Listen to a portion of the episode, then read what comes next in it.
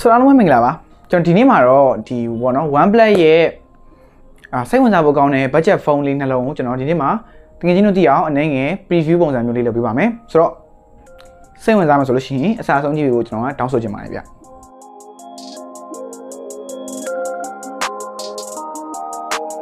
ထမဆုံးအနေနဲ့ OnePlus ရဲ့ဒီပေါ့နော် budget phone lineup တွေကိုနည်းနည်းရှင်းပြပေးခြင်းနဲ့ OnePlus ဆိုလို့ရှိရင်ပုံမှန်အဖြစ်အရတော့1 2 3 4 5 6 7 8နဲ့တွားခဲ့တယ်ပေါ့နော် အာလွန်ခဲ့တဲ့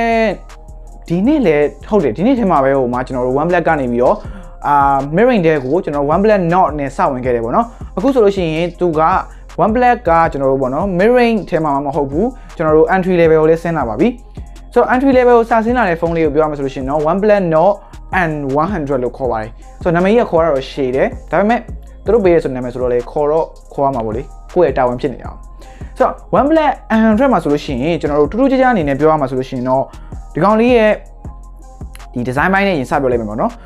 OnePlus Nord i100 မှာဆိုလို့ရှိရင် back design ဘိုင်းကတော့ကျွန်တော်ဈေးပေါ်တဲ့ plastic bag ကိုပဲအသုံးပြုပေးထားတာတွေ့ရပါတယ်ဆိုတော့ဈေးပေါ်တဲ့ plastic bag ကိုပဲဘာလို့သုံးပေးထားတာလဲရှင်းပါတယ်ပတ်စံချွေတာဖို့ပေါ့နောက်ဘက်မှာကျွန်တော်တို့ rear mounted fingerprint sensor ပါမယ်ပြီးတော့သူတို့ plastic bag နဲ့အသုံးပြုပေးထားတဲ့ back design လေးရလေရိုးရိုးရှင်းရှင်းလေးနဲ့အယောင်လေးရဆိုလို့ရှိရင်လည်းတယောင်နဲ့ပဲလာမှာဖြစ်ပါတယ် ဆိုတော့ design မှပြောရပြီဆိုလို့ရှိရင်တော့ကျွန်တော်နောက်ထပ်ပြောရမှာဆိုလို့ရှိရင်တော့အဲဒီ OnePlus Nord 100ရဲ့ display ဘိုင်းမှာ display ဘိုင်းမှာတော့ကျွန်တော်တို့အာ6.52 inch လို့သိရတယ်သူ့ရဲ့ resolution မှာဆိုလို့ရှိရင်တော့ကျွန်တော်တို့ 720p ကိုပဲအသုံးပြုပေးထားတာကိုကျွန်တော်တို့တွေ့ရပါတယ်ဒါပေမဲ့ဒီကောင်ရဲ့ 720p လေးကဘယ်လိုလောင်လဲဆိုတော့မပြောတတ်ဘူး maybe Tecno လိုမျိုးကောင်းမွန်တဲ့ 720p display ဆိုရင်တော့တစ်မျိုးပေါ့ဗျာ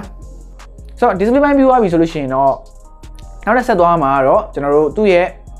ကင်မရာဘိုင်းပေါ့ကင်မရာဘိုင်းမှာတော့ကျွန်တော်တို့8 megapixel selfie camera နဲ့ကျွန်တော်တို့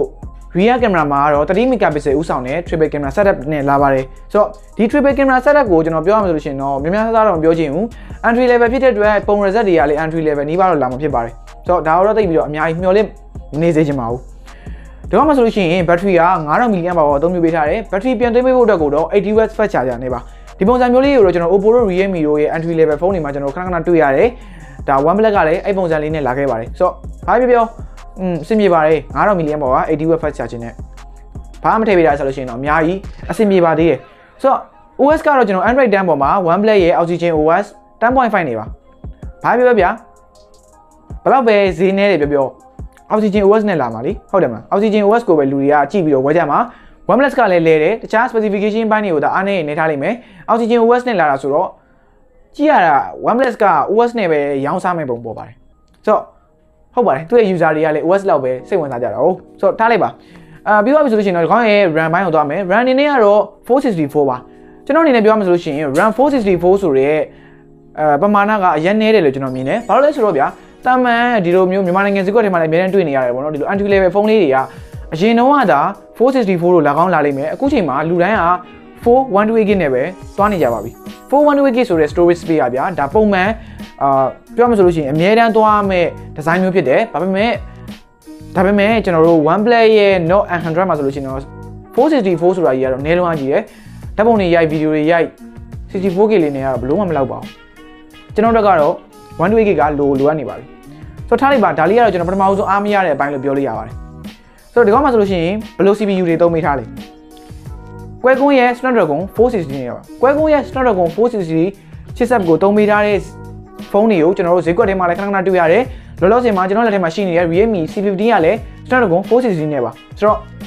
Snapdragon 460ကဘယ်လိုနေထိုင်မျိုးလေးရှိမလဲဆိုတော့ကျွန်တော်ခံမှန်းပြောရမယ်ဆိုလို့ရှိရင်တော့ Snapdragon 460ကျွန်တော်သုံးကြည့်ရတဲ့လောက်ကတော့ ဒီကောင်တွေကကျွန်တော်တို့ battery bank မှာတော်တော်လေးကိုချွေတာပြီးသုံးစွဲနိုင်တဲ့အနေအထားမျိုးရှိတယ်။ battery အရန်ကြီးမကုန်အကုန်မမြန်အောင် control လုပ်ပေးနိုင်တယ်။အဲ့ဒီချက်တော်တော်လေးမိုက်တယ်။နောက်တစ်ချက်အနေနဲ့ကတော့ကျွန်တော်တို့ Snapdragon 460ကဒီ day to day performance တွေမှာဆွဲရတာတွက်တယ်မြန်တယ်အရန်ကြီးထစ်နေတာမျိုးမတွေ့ရပါဘူး။ဘာပြောဗျာ entry level ဖြစ်နေပြီးတော့ဒီလိုမျိုးတွက်နေတယ်ဆိုတာလေးကပဲကျွန်တော်အတွက်တော့လုံလောက်ပါတယ်။ဒါပေမဲ့ဘယ်လိုနေရာမျိုးတွေမှာအသုံးမကျဘူးလဲဆိုတော့ဓာတ်ပုံရိုက်တဲ့နေရာမျိုးတွေ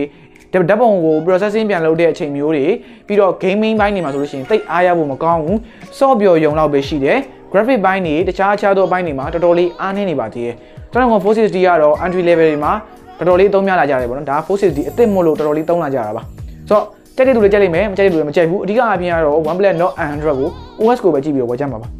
ဆိုတော့နောက်ထပ်တစ်ချက်အနေနဲ့ Nelly စိတ်ဝင်စားဖို့ကောင်းတဲ့ဖုန်းလေးတစ်လုံးပြောရမှာဆိုလို့ရှိရင်တော့ OnePlus ရဲ့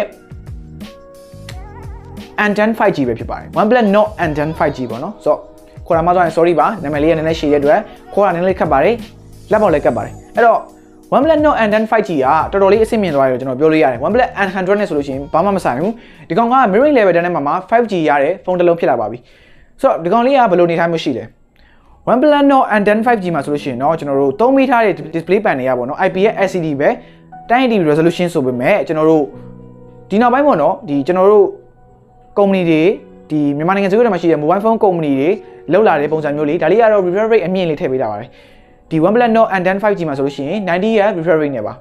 ဆိုတော့90 Hz refresh rate သုံးပေးလာတယ်ဘယ်လိုနေရာတွေမှာကောင်းမှာမလို့လဲဒါနည်းနည်းလေးကျွန်တော်ပြန်ပြီးရှင်းပြပေးခြင်းနဲ့ချို့လူတွေကဒီ Snapdragon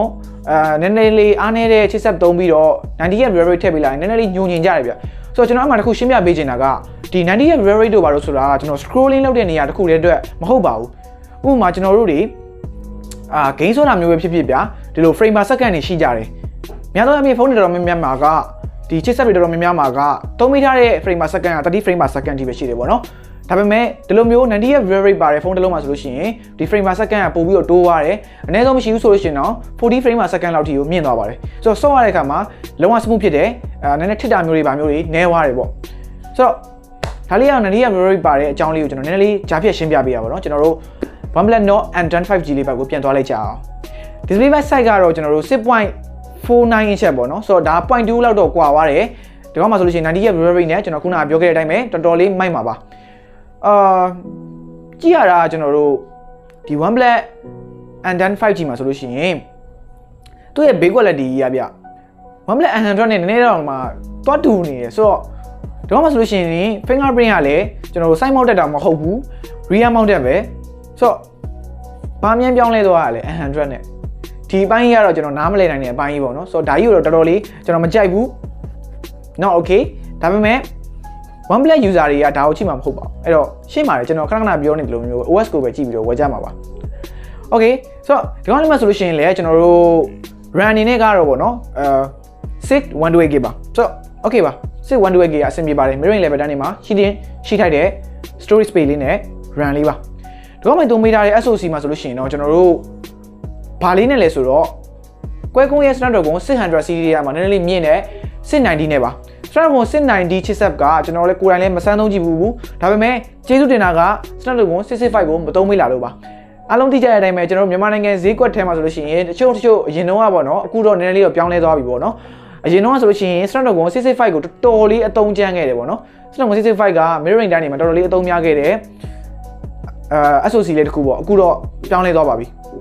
Snapdragon 690လို့ခေါ်ပါတယ်ဒီကောင်ကြီးမှာဆိုလို့ရှိရင် 5G လည်း support ပေးမယ်မြန်မာနိုင်ငံတော့ဘာမှမထူးကြဘူးဘာလို့လဲဆိုတော့ 5G ကနောက်3လေးနဲ့နေရင်တော့ရမှာမဟုတ်ပါဘူး Okay ဆိုတော့သူ့ရဲ့ battery ဘိုင်းကိုသွားမယ် Antime 5G မှာဆိုလို့ရှိရင်ကျွန်တော်တို့4300 mAh battery နဲ့ OnePlus ရဲ့ web charge 30D နဲ့ပါဆိုတော့ဟုတ်ပြီ OnePlus ရဲ့ web charge 30D ပါဝင်လာတယ် ဆိုတော့ battery က4300ပဲပါတယ်ဆိုတော့ဘယ်လိုနေထိုင်မှုရှိမလဲလို့ကျွန်တော်ခန့်မှန်းပြောရမှာဆိုလို့ရှိရင်တော့အာ battery ကုန်တာနဲ့ maybe နည်းကောင်းနည်းနိုင်တယ်ဘာလို့လဲဆိုတော့ Snapdragon chipset တွေက battery consumption ဘိုင်းမှာတော်တော်လေးကိုအားရဖို့ကောင်းတယ် SoC တွေဖြစ်လို့ပါအဲ့တော့ battery ကုန်တာလည်း maybe ကြာကောင်းကြာနိုင်တယ်ပြီးတော့ပြန်သွင်းမယ်ဆိုလို့ရှိရင်လည်း OnePlus ရဲ့ web charge 30D နဲ့ဆိုတော့တော်တော်လေးကိုအဆင်ပြေမှာပါဆိုတော့ဒီဖုန်းလေးနဲ့ဖုန်းလုံးကတော့ OnePlus ရဲ့ပထမဦးဆုံးသော mirroring နဲ့ mirroring တော့မဟုတ်ဘူးပေါ့နော်မဟုတ် OnePlus ရဲ့ပထမဦးဆုံးသော entry level ကိုခုံဆင်းလာတဲ့အဲ CD product လေးတွေပေါ့လေသူကနဲ့သူတော့မစိုးပါဘူးဒါပေမဲ့ကျွန်တော် overall ပြောရမှာဆိုလို့ရှိရင်တော့ဒီဖုန်းတွေမှာဘာ innovation မှမတွေ့ရဘူး OnePlus OLED ကိုထည့်ပေးလိုက်ပြီးတော့ရောင်းစားလိုက်တယ်လို့ပဲကျွန်တော်ကတော့ခံစားရပါတယ်ဆိုတော့ဒါကတော့ကျွန်တော်ရဲ့ personal အမြင်မှာအကယ်၍အမြင်မတူတာလေးရှိလို့ရှိရင်လည်းခွင့်လွှတ်ပေးပါဗျဆိုတော့ဒီ video လေးကိုအဆုံးထိအချိန်ပေးပြီးတော့ကြည့်ရှုပေးတော့အားလုံးကျေးဇူးတင်ပါတယ် see you next video